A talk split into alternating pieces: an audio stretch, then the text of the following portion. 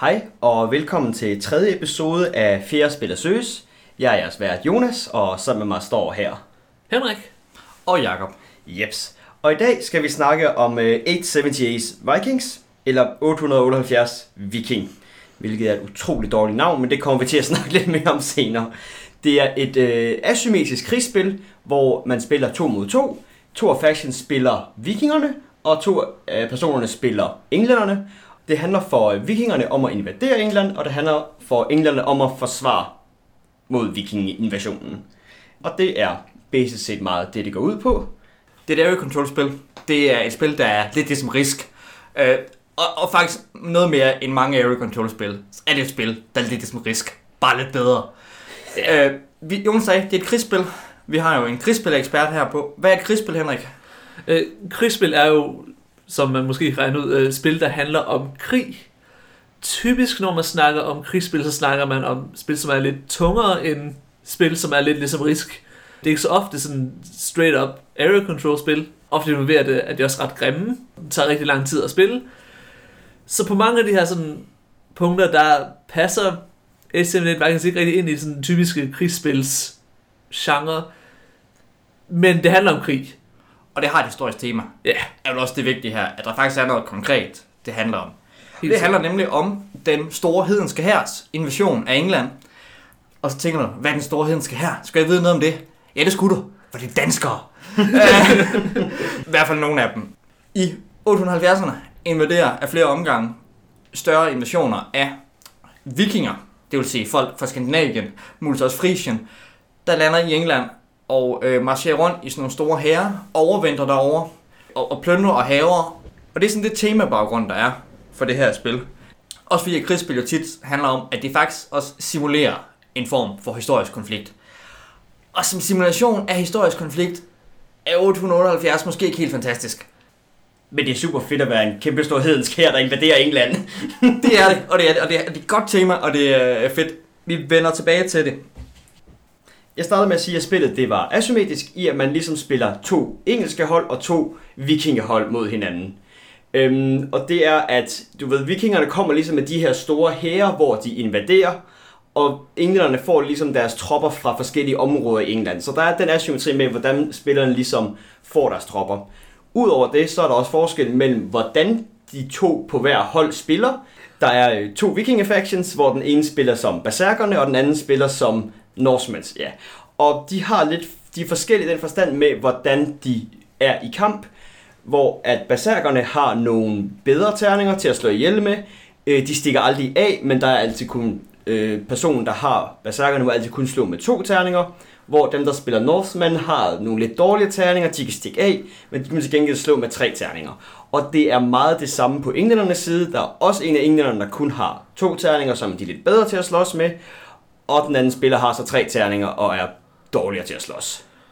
Det skal lige siges, at de englænder, som har gode terninger, har lige så gode terninger som vikingernes Norsemen. Hvilket dybest vil sige, at deres bedste er ligesom vikingernes dårligste. Og så har vi så den uspillede femte faction, som er øh, fyrt. Det er de her gule mænd, som hver gang vikingerne prøver at indtage et øh, byområde, som bliver ordentligt forsvaret, så trækker man lige et kort, og så får man så så mange gule mænd stående der, lige i det slag.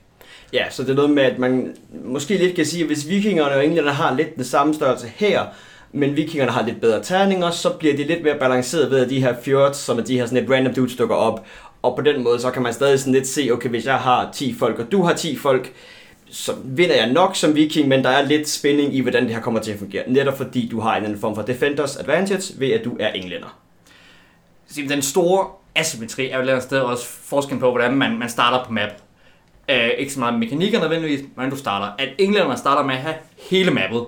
De får recruits alle mulige forskellige steder. Og vikingerne kommer med de her store hære en gang imellem. Masser af tropper ind på en gang. Og skal så prøve at søge at tage x antal byer og holde dem for at vinde spillet. Det er også det, der afgør spillet. Simpelthen. England har ikke nogen selvstændig victory condition. Det hedder bare, lad være med at få vikingerne få så mange byer. Den sidste ting, der er lidt asymmetrisk i de forskellige faction, er, at hver spiller på sin tur har, er det tre kort på hver hånd, Mm. hvor at man har sådan sit eget lille personlige dæk, og der er nogle specielle actionkort til hver af de forskellige factions. Men generelt set, så er de faktisk meget ens. Øh, Henrik snakkede om det meget, meget kort i vores sidste podcast, at den her asymmetri, der egentlig er i 878 Vikings, måske egentlig ikke er særlig stor alligevel, selvom man forsøger ligesom at lave de her forskellige factions. Og det, er, altså det munder jo meget ud i, at lidt uanset hvilken faction man er, så gør man jo meget de samme ting. Altså det er meget, nu samler jeg nogle mænd, og så slås vi. Forskellen er lidt, hvordan man får de mænd, med at vikingerne får de her sådan øh, store invasioner, der tonser ind. Men man får i bund og grund lidt samme mængde tropper i alt. Det er et spil for fire spillere med to sider, hvor man altid er på hold. Man har ikke noget som helst der. Og øh, jeg nu giver ordet til Jonas, som virkelig ikke er imponeret. Nej, fordi... Okay, jeg spillede som berserkerne på vikingesiden, og når det er sådan, du ved, det der med, at så skal jeg have en tur, og så har min anden vikingemarker en tur, jeg følte bare utrolig meget, at vi egentlig bare altid delte en tur. Og det eneste, jeg egentlig kan gøre på min tur, det er, at jeg kan flytte på mine tropper. Men jeg må også gerne flytte med min medspillers tropper, hvis vi har tropper i samme område. Og det giver altid bare mening at have tropper i samme område sammen. Så det, jeg gjorde på min tur, var meget det samme som det, Jakob, som jeg spillede sammen med, kunne gøre på hans tur. Så jeg synes faktisk ikke rigtigt, at der var nogen forskel på, om det var min tur, eller om det var Jakobs tur. Så på den måde, så, det, så spiller vi to mennesker. Ja, men for min skyld kunne man lige så godt at spille en person per hold. Og simpelthen, simpelthen fordi de forskellige factions er så ens, når de spiller sammen. Det gjorde så også, at jeg en stor del af det her spil ikke følte mig særlig investeret i, hvad der skete, fordi selvom det var min tur, skulle jeg egentlig ikke reelt tage nogle valg. Det kommer måske også til, hvor mange reelle valg du skal træffe i det her spil. Øh, fordi jeg spillede de vikinger, der kun havde to terninger, så synes jeg heller aldrig, at jeg slog med særlig mange terninger. Og det eneste mine store vikinger, de kunne, de var basic bare gode til at slå ihjel. Der skete aldrig noget specielt med dem, de flygtede aldrig, så jeg følte for det første ikke rigtigt, at der var den store grund til, at vi skulle være fire personer om at spille det her spil. Og så synes jeg nødvendigvis heller ikke, at den her asymmetri i factionsne gjorde særlig noget for mig. Altså, jeg synes det faktisk, det var meget hyggeligt at sidde herinde og snakke med. Så man faktisk er en sjov oplevelse at sidde og spille og være sådan lidt, Nå, vi er på hold, det er helt mystisk. Vi skal snakke om, hvad vi skal gøre.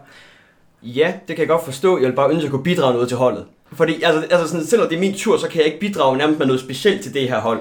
Der var et enkelt eller to af mine eventskort, jeg kun kunne spille, når det var min tur. Men det kommer op en eller to gange i løbet af hele det her spil, hvor det er der- fedt, at det er min tur. Der er heller ikke nogen hemmelig information. Der er ikke nogen sådan begrænsning på, hvordan man kan samarbejde med. Du har hver din kort, men det er så også det. Det skal også lige siges, at Academy Games, dem som har lavet det her spil, øh, decideret har øh, som hvad skal man sige, mission med de her, øh, den her serie spil, øh, er, at det skal være spil, som ligesom tester folks evne til at samarbejde. Det ved jeg ikke helt, om de gør. At hvis jeg rent faktisk vil få testet min evne til at samarbejde, så vil jeg spille real-time game i stedet for. Hvor jeg rent faktisk, du ved, under tidspres, måske skal samarbejde med folk, hvor jeg har nogle specielle evner, som kun jeg kan gøre. Øh, nu slynger jeg bare et spil ud, jeg har egentlig over med for eksempel Magic Maze, hvor at det er real-time, vi alle sammen har noget unikt for os, som rent faktisk gør, at jeg føler mig en brugbar del af holdet, når jeg gør noget. Her var sådan et, jamen, gør jeg noget, eller gør Jakob noget? Det kan være lige meget, fordi vi gør det samme. Så bliver vi bliver enige omkring, hvad det bedste er at gøre, men det gør stadig bare, at jeg føler ikke nødvendigvis, at jeg har min tur, hvor jeg brillerer på noget tidspunkt i det her spil. det. Det der med turen, det er jo det, at hvis du er uenig om, hvad der skal ske strategisk, så er det bare sådan, jamen det er min tur nu. Jeg har lov til at bestemme, ikke? At det er en måde at få sådan en deadlock ud af to. Jeg tror, det vil godt at sætte ned til nogle øh, 11-12-årige, for at lære dem at samarbejde. Eller sådan den alder der, ikke? Altså sådan, så Bjarne og Michael, I skal blive enige om, hvad I gør. For ellers så får I tæv af Troels og Lars. Fordi de kan samarbejde. På Lavnheim, vi snakkede om, inden vi begynder at optage, at det egentlig også vil give bedre mening, hvis der lige så meget en forskel på, at det går, at du har to sider, men du samarbejder ikke helt. At, at du kan, ikke nødvendigvis sådan, at man ikke begge to kan vinde sammen, men at der er en mulighed for, at man har nogle separate goals eller et eller andet. Nå, det jeg tænkte nemlig bare på, for eksempel når begge vikinger spiller sammen, så kunne det jo være, okay, jamen vikinger og vikinger skal vinde sammen. Men det er kun den, hvis vikingefaction, der har gjort det bedst i løbet af den her krig, der re- reelt vinder, fordi de får lov til at styre England bagefter. Altså bare som et eksempel på, hvordan man kunne arbejde sammen, men stadigvæk have et mål, der er separat fra hinanden. Altså man kan jo man kunne jo gøre ligesom i Archipelago, hvor hvis en side vinder, så vinder siden, men der er en, der vinder mest. Eller at vikingerne begge to, ind, hver for sig, skal indtage syv borge. Og så kan man se, kan det betale sig at sende tropper i de den store her for at stoppe indlægerne, for at vinde fælles. Eller, og jeg har også lige mit private goal, jeg skal nå opnå inden. Ligesom i uh, Crossroads-spillene, uh, i Dead of Winter og sådan noget, som er co-op, men hvor alle har individuelle mål. Det ligesom gør, at man alle ikke nødvendigvis altid samarbejder. Og det tror jeg helt klart havde hjulpet mig med at få en større fornemmelse af, at det her det er min faction, nu det er mig, der spiller, og jeg har noget, jeg skal opnå. Altså jo, jeg synes, det var fedt nok at spille sammen, men jeg savnede bare mere. Ja. Og så burde det jo egentlig bare være et coin light game. Altså coin er sådan en serie af krigsspil, som også har meget med fire fraktioner, hvor man spiller på samme side, men ikke rigtig samarbejder. Fordi så havde du faktisk også haft en mere korrekt simulation af den historiske omstændigheder. Fordi problemet er jo netop, at englænderne ikke kan samarbejde. Altså det der med, at der er en englænder side, der samarbejder, er jo det, der ikke er. Der er jo, hvad, 5, 6, 7 engelske kongeriger på det tidspunkt. Og jeg ikke have, have syv engl- englænder-spillere, men øh, to englænderspillere. Og den store hedenske her er heller ikke nødvendigvis samlet, fordi den har flere kommandører og flere bø- bølger og sådan noget. Ja, den kommer jo også ind af flere omgange, Ja. den her hedenske her. Altså ligesom første runde, der er en vikingerunde, kommer ligesom en ny invasion ind. Der kunne man også gøre gjort noget med, okay, men nu er det din invasion den her gang, og nu skal du gøre alt, hvad du kan for, at den invasion fungerer bedst. Næste gang, så kan det være det mig, der skal stå for invasionen. Yes. Og lad os runde af her. Vi mangler noget mere øh, spænding mellem spillerne. Ja, Ja. Men jeg kan godt lide at sidde og snakke med nogen. Men det er måske et problem, jeg måske nævnte før, at spillet bare ikke er interessant nok på den måde, til at der faktisk er noget at snakke om. Fordi nu går vi over til at snakke om strategisk råderum i spillet. Uh. øh, så Viking, der sidder man i hvert fald i starten og tænker, wow, jeg kan alt her. Fordi du får en kæmpe stor her, og du er ingen steder på mappet, og du skal lande et eller andet sted på østkysten. Og der er det en fed følelse af at finde ud af, hvor skal vi gå i land? Hvor skal vi gøre? Og vi får en ny her. Skal den lande samme sted? Jeg tror, svaret på det spørgsmål er ja. øh, eller et andet sted for at starte en ny front. Så der følte jeg, hey, der var et sjovt spil. Jeg har kun spillet Viking. Men Hvordan er det ved englænder? Er man mere øh, ja, reaktionær? Jeg vil helt klart sige, at man er reaktionær. Jeg tror ikke rigtigt, man kan bygge noget som helst.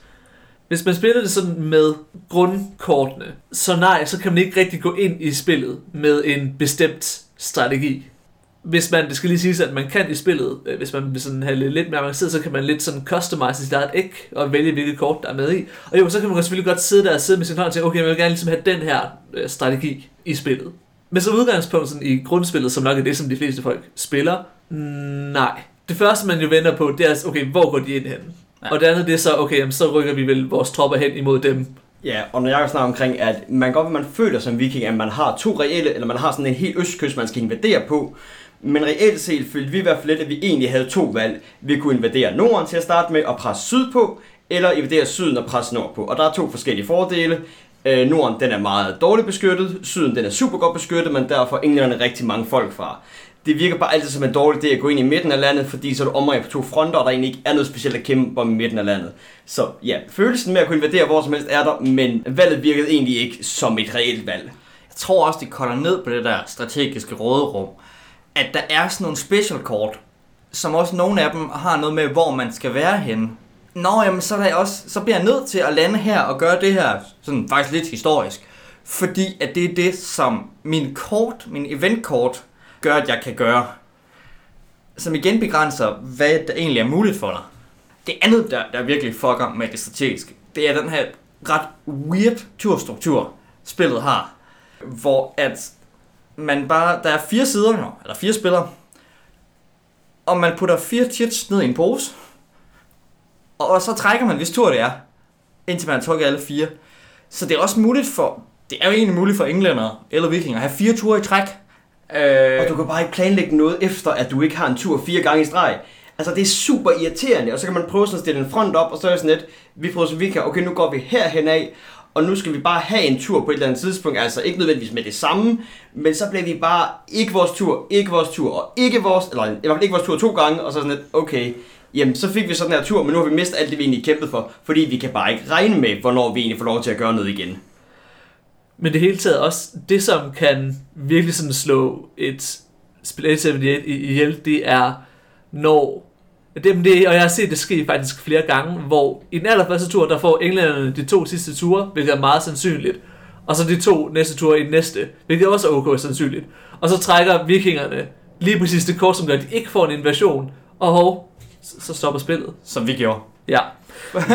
Jamen simpelthen det der med, at, vi, at englænderne kan faktisk nå at slå vikingerne tilbage ved at have fire ture i streg, så, når, så begynder vi vel bare en ny invasion.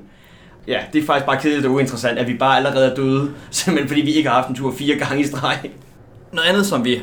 Altså, vi gjorde... Vi tabte begge spil. Det første ret hurtigt, det andet var lidt længere. Og jeg tror, vi begik den samme fejl. Strategiske overordnede fejl begge gange. Vi overextended. Vildt, tårligt og øh, totalt crazy mængde af overextension. Men det gjorde vi, fordi at man har de her, øh, man har eventkort, så har man nogle andre kort, som er de movement kort, man spiller hver tur. Siger, hvor mange herrer må du rykke, og hvor langt må du rykke den her tur. Og vi brugte også movement kort, og kan give nye slag, og fremad, fremad, fremad, fremad, fremad. Vi er jo den store hedske her. Vi skal skal, fremad, fremad, vi, skal, fremad, vi skal fremad. fremad, vi skal bruge det her movement. Vores, når vi vinder et slag med vores leder, så kan vi rykke videre til et nyt slag og sådan noget. Og jeg tror, det viser sig, at den gode strategi er nogle gange at sige, at tænke, jeg har to action den her tur. Ah, jeg må måske kunne tage en halv. Øh, eller, jeg skal faktisk ikke gøre noget, jeg skal sidde og holde her. Og det er bare ikke, altså det er ikke godt spildesign. Det er heller ikke særlig tematisk, at vi bare skal stå stille som vikinger. Altså, jeg tror også, det er, som, at det var det, der irriterede mig ved det. Ja. At nu selvfølgelig er endelig at den store her var kommet ind, men så er den store her været et stort slag, og så står vi sådan lidt, jamen han kunne jo godt fortsætte. Jo jo, men det er bare bedst, at han ikke gør det. Okay, men så er min tur jo slut. Altså det er en anden forstand. Er selvfølgelig en vis interessant strategi omkring, når vi snakker overextension, men det der med, at jeg bare skal sidde og kigge på den her action-økonomi, jeg har, og tænke, ej, det jeg skal egentlig gøre med min ekstra action, det er at spille mod vinduet. Jeg skal frivilligt trykke uh, skip og turn button, men jeg mister en deres ressource. Jeg tror, det er det, der virkelig fucker mig op i, at jeg, jeg ikke kan lade være med overextension, fordi jeg mister en ressource. Jeg har spillet et kort, der giver mig ret til at move, og det er væk, om jeg bruger ikke mine movements. Nu har vi snakket om det overordnede. Henning, hvordan foregår, når man skal slås sig? Det er lidt ligesom risk. Okay. Man har sine mænd, og man slår sine terninger. Og øh, de her terninger, de, det skal jeg lige sige, det er lidt, lidt bedre end risk, fordi der er flere ting på de her terninger. Der er slås, jamen, så slår man nogen ihjel. Der er øh, øh, flee, så flygter ens mænd og kommer tilbage øh, på et senere tidspunkt. Og så er der den lidt gøjlede command, hvor man må rykkes ind af de units, man har, over i et nærliggende område, hvor man også har mænd. Hvilket giver lidt noget sådan sjovt øh, strategisk med, at man ligesom kan begynde to slag ret ved siden af hinanden, og så kan man ligesom lidt håbe på, at man får kan rykke nogle folk fra, den ene, fra det ene slag over til det andet. Eller lave en taktisk retræte. Eller det. Det er også Og redde sine folk, Ja. ikke? Og sådan. Øhm, Men det er ikke det, man, man kunne vælge, om man ville commande, når man slog det. Ja. Og det var ret uinteressant, fordi vi stod med cirka lige store hære, og du slog nogle command, så skal du som hverken englænder eller viking ikke begynde at flytte dine tropper væk fra kampen, fordi så begynder du egentlig bare at tabe den. Så det er et tidspunkt, du egentlig skal begynde at command på, det er, når du kan se, at du enten meget tydeligt, nu har du tabt den her kamp, og skal redde nogle folk, nu har du vundet en kamp, så skal du begynde at måske gøre klar til næste angreb. Så jeg synes ikke engang, at det, at du kan commande, var specielt interessant et valg. Og spiller, fordi du kan heller ikke sige, okay, men nu vil jeg gerne det her. Det er nogle gange, det tilfældigvis gør det. Det er sådan set et valg, man har taget, før slaget rigtig begynder. Man tænker, man tænker sådan, jeg rykker op her, fordi så hvis det går godt i det her slag, så kan jeg måske få rykket nogle, af- nogle over i det andet slag. Og igen, så var der ligesom, at du ved, den ene englænder faction og den ene viking faction havde to terninger at slå med. De var de gode terninger, so to speak. Og den anden havde tre terninger at slå med. Og der var måske igen bare mig, som spillede den meget, meget kedelige faction med de her barbarer. Fordi jeg kunne ikke flygte. Jeg, jeg havde øh, 4 6 chance for at slå ihjel. Og 2 6 chance for at command. Og ofte så vil du bare ikke command, fordi igen, hvis du rent faktisk er midt i kampen, så er der ingen grund til at command.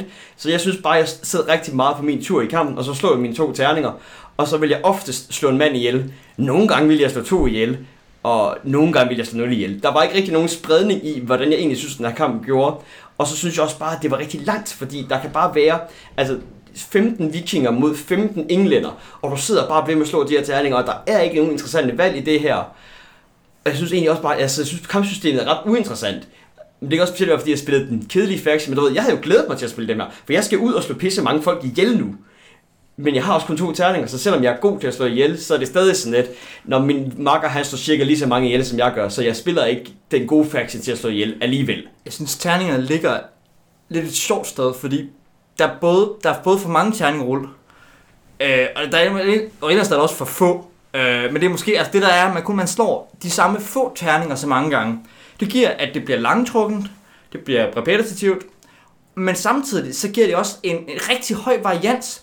uden at du har den der med, hey, okay, ved vi har stillet os herop, nu slår vi et terningeslag for at, at resolve den her kamp, og så er det et spændende terningeslag. Det er det ikke her, fordi og så slår vi, og så slår vi igen, så slår vi igen. At de store slag de tager så lang tid, men det kan så også svinge rigtig meget, uden at man får glæden af at have den her, hvor lige Virgin Queen det første faldt mig ind, hvor man øh, slår terninger én gang. Og det kan virkelig svinge der, men der står du terninger én gang, så det er virkelig et stand-up die roll, hver gang der er et stort slag. Fordi så kigger man, og så comparer man slag, og ser hvem der tager tab, og hvem der trækker sig tilbage. Man kan sige, normalt så er det fint nok, at man slår terningerne mange gange, fordi så kan man bedre regne med det her gennemsnit med, at okay, hvis vi slår terninger nok gange, og jeg har den største synlighed for at vinde, så kommer jeg også oftest til at gøre det. Men det er bare fordi, at det at selve slå terningerne er så ensformigt, så bliver det kedeligt. Og, og så store er herrerne heller ikke, at, at variansen ikke stadigvæk kan være ret svingende. Altså, især når Fyrts kommer ind lige pludselig og, og fucker ting op. Altså, jeg tror faktisk, kampsystemet fungerer meget bedre, hvis der var færre units. Også fordi, hvis nu man har en situation, hvor en forholdsvis... Når man har de to store herrer, så det første tegningslag er sådan, okay, vi, vi ser lidt, hvad der sker. Hvorimod, hvis nu man har forholdsvis få units, hvis nu man faktisk slår fem terninger, og man har fem units øh, i sin her, og man ligesom slår det, og så, så kan man sige, okay, vi slog ikke særlig mange ihjel øh, den her gang, så er de andre enten retreats eller commands. Og så er det sådan, jamen, enten så er der nogen, der rykker væk, og så kan man se på sin command, okay, jeg kan rykke dem her væk nu. Fordi det er ligesom, så har vi ligesom fuldført det, som vi skulle, og vi har ikke taget så mange tab. Altså det er med sådan, du ved, vores first strike gik ikke så godt, men så har vi så til gengæld muligheden for at stikke af nu her. Vores first strike gik ikke så godt, jamen vi har stadig 15 mænd i den her kamp, så vi bliver her bare. Ja, udover at kampen ikke spiller sjov, så er der faktisk også noget med, at- det, er sådan, det, det taktiske niveau er heller ikke særlig interessant. Når du først har sat din strategi, hvor invaderer du? Og så sidde fra tur til tur og finde ud af, hvor du rykker hen. Er det et interessant valg? Måske lidt mere som englænder, for der har du mange flere. England har et stort mulighedsrum af at bruge deres actions på. Men som viking, nå nej, jeg skal videre til den næste by. Det er den taktiske beslutning om, hvad går vi efter. Det er ikke den her vurdering af, af, af de enkelte forhold hver gang. Med at manøvrere rundt og være... Du kan ikke rigtig manøvrere smart på sådan en måde, og være sej og gøre sådan nogle gode taktiske træk i det. Eller det er bare mig, der tænker det. Han står og nikker. Det kan I selvfølgelig ikke høre på, øh, på podcasten. Jeg ved heller ikke helt, om der er de store taktiske valg som englænder, fordi at det er det er sådan den store forskel på movementkortene for de to sider, er, at vikingerne kan rykke få herrer langt, og England kan rykke mange herrer kort. Men det betyder også, at man som englænder, så, så er det meget ofte, jamen, vi samler vores tropper her, så for at der står nogle, lidt, nogle forskellige steder, og så måske samler man folk og laver et stort angreb. Der er en masse bitte små taktiske valg, som alle sammen er, jamen jeg rykker lidt tættere på. Ja, Det sker meget ofte. Sådan, din her rykker gradvist tættere på vikingerne, og det vil du komme til at gøre med dem, for du kan ikke pludselig sprinte med en her fremad som englænder. Det kan man så med lige præcis et kort, som øh, Thegn-spilleren har.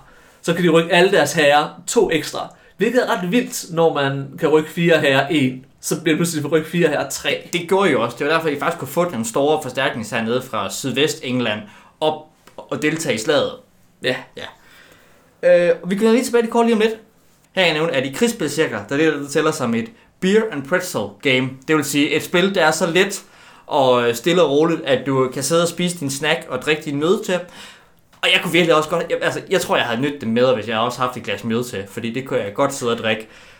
Fordi der sker bare så mange ting, der er så lovligt interessante i det her spil. Det kræver ikke så meget tanke hele tiden ja det er også meget det, det har jo den her meget sådan passende tid til, øh, at man, man kan sådan spille, altså, vi spiller jo faktisk et par spil på en aften, fordi det første blev meget kort. Men det tager en til to timer øh, at spille. Og det er jo her, jeg snakker omkring. I forhold til, hvis det her det skal være et casual beer and pretzel spil, så skal I lige vende tilbage til de der kort, der er i de forskellige decks. Som for eksempel, at du ved, gå fra flytte 4 her 1 til pludselig at flytte 4 her 3. Fordi de her kort er skide vigtigt. De gør, de gør nogle sådan vildt kraftfulde ting nogle gange. Der er et eller andet vikingkort, hvor du kan tage, du simpelthen bare sådan fjerner alle England, der står i et bestemt område sådan i midten af England. Og hvis England ikke ved, at det her kort eksisterer, og de så trækker deres her her opad, fordi det her vikingfronten er, så bare slår to tredjedele af englænderne ihjel, så er de bare tabt, fordi det her kort eksisterer, og de ikke vidste det. Og jeg havde, altså der sker simpelthen også på et tidspunkt i vores spil, at jamen, nu flytter vi ind som vikinger og tager jeres område, og så bliver der spillet kort mod os, vi ikke vidste eksisterede, og vi ikke haft nogen mulighed for at kigge på. Øhm, altså man kunne selvfølgelig have gjort det, indspillet går i gang, men så er det igen, så mister man hele den der casual ting. Så kommer man mere over i en af de der type spil, hvor at, jamen før jeg skal kunne vide alt, hvad jeg skal kunne gøre, så skal jeg kunne vide alt, hvad du gør. Det vil sige, nu skal jeg lige memorere nogle bestemte kort, så skal jeg have dem i hovedet hele tiden, når jeg skal tænke. Og det er bare overhovedet ikke det, jeg vil, hvis jeg rent faktisk skal sidde og drikke øl og spise snacks og nej viking. Så vil jeg ikke sidde konstant og huske på, hvad min modstander har muligheder, og hvad jeg selv har muligheder, og hvordan jeg counter dem. Altså, man skal, man skal have den der player aid med de der, hvad er der, 10 på hver side, 5 på hver spiller, øh, special moves. Øh, især de vilde, det skal man bare være klar over, der findes. Det er meget typisk krigsspil egentlig, især sådan også card-driven ting. Du skal være klar over, de her special rules, de er der. Jamen, fordi ja, vi gik jo, det var ikke bare, at vi skulle invadere et område. Vi ville jo rykke ind, og så ville vi smadre englændernes her. Så englænderne, da de fik deres fire ture, eller hvor mange nu fik i træk, Jeg tror kun tre, men ja. øh, ikke kunne lave et counterangreb ind i vores nu svagt defended baser, fordi de kan nogen her. Det der sker, englænderne spiller retreat-kortet, som vi ikke kan fortælle, der fandtes. Øh, her næste gang, skal lære af det her spil, så skal du fortælle dem om kortene i spillet. Øh, og så trak herren sig væk, og så stod den store engelske her der stadigvæk, og så havde den tre ture til at gå udenom vores her og indtage alle vores borge. Og det tabte vi jo bare af. Og så har man tabt. Og man kan så sige, at det, det er jo kun et problem, måske første og anden gang, du spiller det her spil. Men det gør også bare, at så kan du godt få en dårlig op... Altså, du ved, hvis du virkelig skal have et lidt casual krigsspil, så skal du nemlig ikke have den her oplevelse, hvor at, jamen, jeg føler, at jeg er nødt til at spille det her spil flere gange, for at kunne forstå det. Altså, det er sådan, der er selvfølgelig altid noget, hvor du skal spille nogle spil mange gange, for at blive god til det. Men jeg kunne rent faktisk, altså vi taber simpelthen det her spil på ikke at kende det. Og det skal, synes jeg bare er en dårlig oplevelse, hvis et spil skal være lidt casual. Det skal lige siges, at det havde faktisk... Øh, jeg spillede øh, i weekenden det her spil med øh, mine forældre. Det kunne de godt finde ud af. Men der skal lige siges, at det jeg faktisk gjorde der, det var, at jeg sådan sad mig ned med alle kortene, og så tænkte jeg, okay, hvad for nogle af de her kort bliver svære for mine forældre at forstå? Og så valgte jeg ligesom de kort, som var sådan, havde forholdsvis små effekter, og som var lettere at forstå, og så sørgede for, at det var dem, vi spillede med. Og det fungerede faktisk rigtig godt. Problemet er bare, at hvis nu man sætter sig ned, og der er en, der måske har læst reglerne, og man går i gang med at spille, men så ved man jo ikke sådan præcis, hvordan ting kommer til at forløbe. Man ved, ikke, hvor, ved faktisk overhovedet ikke, hvor vigtige de forskellige kort er. Man kan ikke rigtig gå igennem kortene, sådan, det kan man godt, men så er det sådan lidt, okay, der er alle de her kort. Skal vi huske dem? Er det nødvendigt? Og så vil man skrive ud af, okay, vi behøver ikke huske fire af de her kort, men det sidste kort, det er ret vigtigt lige at kunne. Jamen, fordi jeg tror, der var også, nogle, altså også nogle af de her kort er ikke specielt sådan vigtige, at I for eksempel har en eller anden, altså som englænderne, der var en eller anden sådan, okay, nu får vi, jeg husker, vi slår lidt først, eller vi får måske lidt flere fjord, eller sådan noget, det er sådan, okay, det er fint nok, det er en overraskelse, men det er sjovt nok, at der sker noget her. Men det, at vi simpelthen bare nærmest taber et spil på grund af, at I spiller et kort, det er et helt andet sådan niveau af sådan frustration, der bare ligger der i. Også du siger det med, at man kan, øh, hvis man customiser dækket i sådan advanced rules, fordi der er virkelig nogle af de her kort, du bygger strategier omkring. Ja, også fordi det kan give noget ret spændende. Den der Kernwolf-kort, man kan smadre en hel her, hvis man sidder på et andet område i samme region. Det, det er ret fedt, fordi at, at hvis man spiller med, ligesom, at man ligesom laver sit eget dæk, så sidder den engelske spiller hele tiden og tænker, har han to kort i sit dæk? at det, har han virkelig gået all in på det her? Kan jeg rykke op i, i det her område igen? Og det er lidt fedt, men det kræver, at det igen så bevæges ud, absolut ud over Beer Pretzels niveauet. Og bemærk forresten lige her, hvordan Henrik han sagde, han og har den anden, øh, og, og glemt, at, uh, at det her det er et fire-personers spil. Jamen, altså igen, jeg siger ikke noget mere, men det var en rigtig god pointe, Jacob. Nå, vi skal lige, øh, nu starter Jonas lidt sine følelser før, og øh, vi skal lige snakke om, hvordan man føler, når man spiller spillet, eller hvad man oplever. For jeg synes egentlig, at spillet som, det de kan se og høre på nu her, det er faktisk ret godt som til at lave narrativ. Det er et øh, krigsspil, der lige præcis er tungt nok til, og har tema nok til, at du får war stories. At vi kan fortælle, hvordan det gik, og vi kan også se, hvad det var, der skete. Vikingerne indtog London. Vikingerne prøvede at øh, marchere vest på og fange den engelske her i et kæmpe slag, øh, inden det blev vinter. Englænderne undslap, og, øh, og, og i vinter, øh, mens i, i, vikingerne lå i vinter, her, kunne englænderne genindtage London. Ikke? Altså, jeg kan godt se, det, det er meget godt til at lave en fortælling. Der er det meget bedre end Small World, som egentlig det spil, jeg vil sige, du skal spille i stedet for Risk, om hvad der sker, for temaet er stærkt her.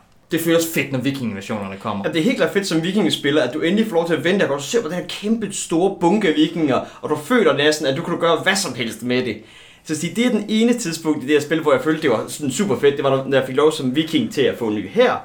Og så synes jeg, det var super fedt, da jeg så egentlig spiller mit super overpowered Kernwolf kort og sådan smadrer en stor del af den engelske her. Fordi der gør jeg rent faktisk noget, der gør jeg noget impactful på det her spilbræt, på min tur med mine kort. Altså der følte jeg mig meget, nu gjorde jeg noget. Det var sådan så også de to gange i det her spil, jeg havde det sjovt. Så også, at det følger, at spillet har faktisk en aktstruktur et eller andet sted, ikke? Med, med, med, med tre akter. Der er øh, akt 1, vikingerne lander lidt. Akt 2, nu har vikingerne indtaget en helvedes masse, og englænderne har ved at få få forsyninger og skal prøve at nå at kæmpe nok tilbage øh, til det. Og det er også så, der er også i akt 3, der får englænderne også lige en lille bitte bonus her, med en leader, som de ellers ikke har, som er Alfred den Store. Så du har, hvad, øh, The Vikings Arrive, The Darkest Hour, eller The, the Midnight, og Alpha Strike Back øh, øh, faserne her. Ja, altså, in theory, jeg tror, vi tager begge vores spil inden for nogensinde noget at komme, men altså... Nej, nej, nej, nej, nej, han, han dukkede op, og vi slog ham ihjel. Nå ja, vi skal faktisk aldrig hjælpe. Vi tabte spil, men vi dræbte faktisk kong Alfred. Men ja, Ej, vi kan sagtens stå her og grine lidt af det, og det var meget sjovt, og historien er der som sagt, og jeg synes også, det er fedt at prøve at spille som viking. Jeg følte mig faktisk bare ikke særlig underholdt i det her spil. Hverken, igen, det tror jeg, jeg har sagt mange gange, men nu siger jeg det lige en sidste gang for oprejsning, jeg føler simpelthen ikke rigtigt, at jeg har min egen tur. Jeg føler, at min faction simpelthen ikke rigtig gør noget. Og jeg føler også bare, at jeg skal slå med terninger, som er det her store kampsystem, synes jeg også bare, kampen er lidt uinteressante. Så jeg føler mig bare ikke særlig engaged på noget tidspunkt nærmest i hele det her spil. men det er bedre end Risk. Er det faktisk det? Synes du Ja. faktisk, Risk er et bedre spil? Nej, det synes jeg ikke, men, men helt seriøst, er- altså, jeg tror, jeg har det sjovere med at slå med terninger i risk, end jeg har det med at slå med terninger her. Det synes jeg faktisk ikke. Jeg, jeg, jeg synes, der er alligevel noget mere til sådan terningssystem, end der er i risk. Fordi risk er meget sådan... Men det gør man jo meget det samme med, at jo, man slår terninger. Altså det binære i risk, der er, at man har ligesom hits og ikke hits. Der kan det her alligevel noget med, at der er sådan flere mulige outcomes. Det er ikke meget, det kan mere end risk, men det kan Nej, mere jeg er end heller risk. ikke sikker på, at jeg synes, det er et bedre terningssystem i risk. Det er virkelig lang tid siden, jeg har spillet risk. I Risk, der slår man øh, terninger, ser hvem der slår højst, så dræber man nogen, og så slår man igen, ser hvem der dræber nogen dengang. Sådan fungerer Risk. Jeg, følte, jeg tror bare, at når jeg tænker tilbage på det, så synes jeg, at det var mere impactful at miste tropper i risk, end jeg synes, det var meget miste tropper her. Jeg synes fandme, det var hårdt at miste tropper som viking. Vi fik ikke så mange. Man skal faktisk være lidt sparsom med dem. Så stor er den store hedenske her altså heller ikke. Åbenbart. Ja, vi skal lige finde en udvidelse også. Eller det skal vi måske ikke. Øh, Henrik, du har, har du spillet med nogen af dem? Det har jeg ikke, nej. Nej, jeg okay. Har, jeg har taget, jeg, jeg har set på dem, og så overvejet, om jeg skulle anskaffe dem, og så har jeg tænkt, nej. Det er jo reelt en Kickstarter, så der er sådan en stretch goal en masse. Øh, også fordi det er en kendt publisher med store spil bag sig. Så de har fået masser af stretch goal. Det vil sige, der er otte modulære, eller sådan noget udvidelser, den retning, som man kan tilføje. Og internettet øh, siger, at to af dem måske er gode, og de kommer i en stor boks. Det er sidste. Skal lige omkring noget om, at det er et krigsspil, og det simulerer historie. Fordi der er nogle ting der. Jeg har skrevet sådan nogle, der hedder, lærer man noget, parentes, rigtigt historie af det her spil. For du kan godt lære noget om historie måske. Jeg er bare ikke sikker på, at du måske faktisk får det rigtigt. Fordi du misser ret høj grad, hvad den store skal have egentlig foregik. Det er meget fedt, der kommer store vikinginvasioner. Men der er meget mere til det end det. Der er det her med, at England er splittet. At den store hedenske her ofte altså er, er mobil. Det er den så slet. Fordi deres kort kan rykke længere end de andre. Øh, det er fordi, de har heste. Fordi at øh, de skifter deres skib ud med heste. Fordi at de får sig allieret slash øh, stiller op med en rigtig stor her og siger, at vi ikke venner nu til nogle af de engelske småkonger der, og får lov til at overvinde der. Så den her dynamik omkring, at jamen, England er, er fragmenteret, og kan derfor ikke stå imod, den er der ikke. Den er væk, altså. Og mekanikker omkring det her med, at de også rigtig tit får tribut. Stiller sig op til en konge og siger, Hej, Kernwulf, eller Alfred, har du ikke lyst til at betale os nogle penge i år, for at vi, ikke- for at vi raider en af de andre konger? Jo, siger Alfred så. Det har jeg. Rigtig meget lyst til at betale jer nogle penge, så raider nogle af de andre. Og så får jeg et effektivt skattesystem, sådan at jeg efterhånden kan bruge de skatter i stedet for at betale jer. Dagen Hensen, så kan jeg raise den her. Danigel er jo sjovt nok med i spillet, men det er et kort, som en engelsk spiller kan spille, for at vikingerne mister tropper, og de får ikke noget til gengæld.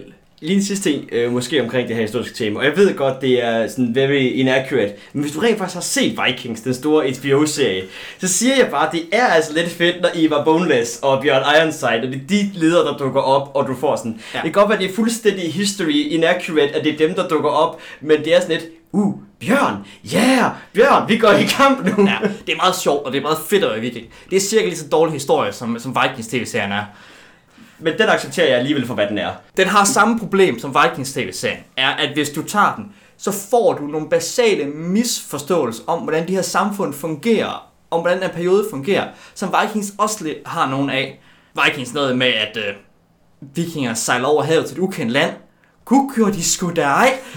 Jeg siger, jamen Ragnar har hørt om landet. Ja, han hørte det fra sin fætter, der bor derovre og gift med en englænder. Øh, eller noget i den retning, ikke? Altså sådan, plus at Vikings også fuck op i, hvordan, det som det her spil egentlig også gør, for at gøre, hvordan social strukturer i vikingesamfund fungerer, og hvordan lederskab fungerer.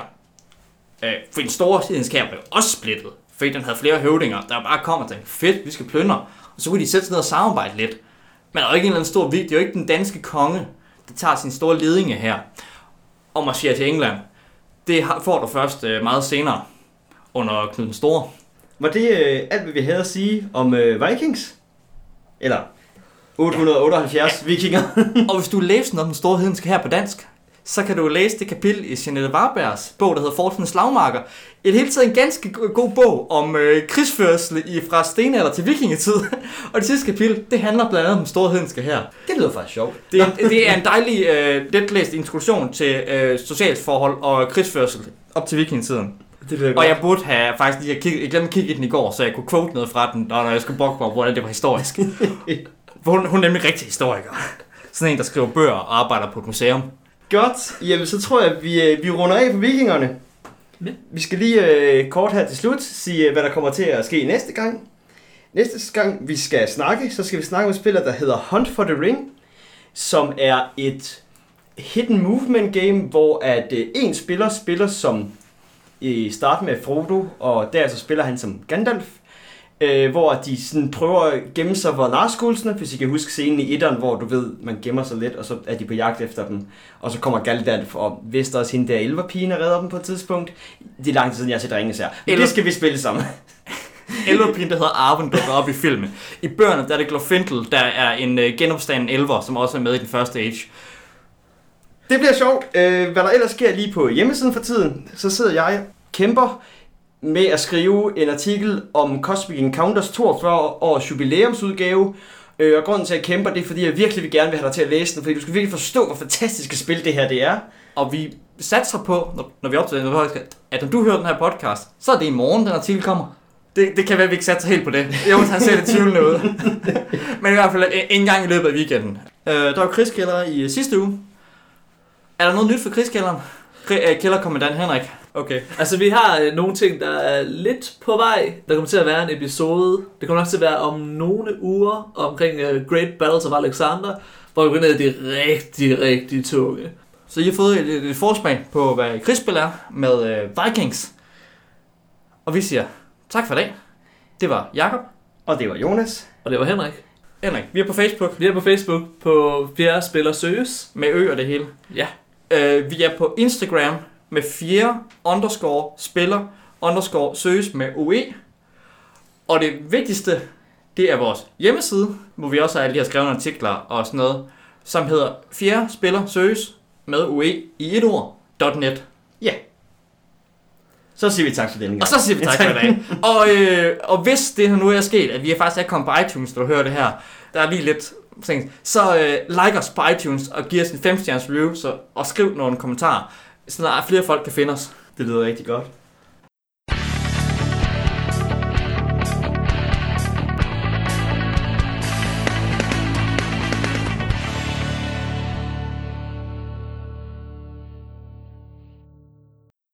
Og så handler det for englænder om at invadere England, og det handler... Fuck, hvad tager vi fra igen? Det var lige til farklip, den der.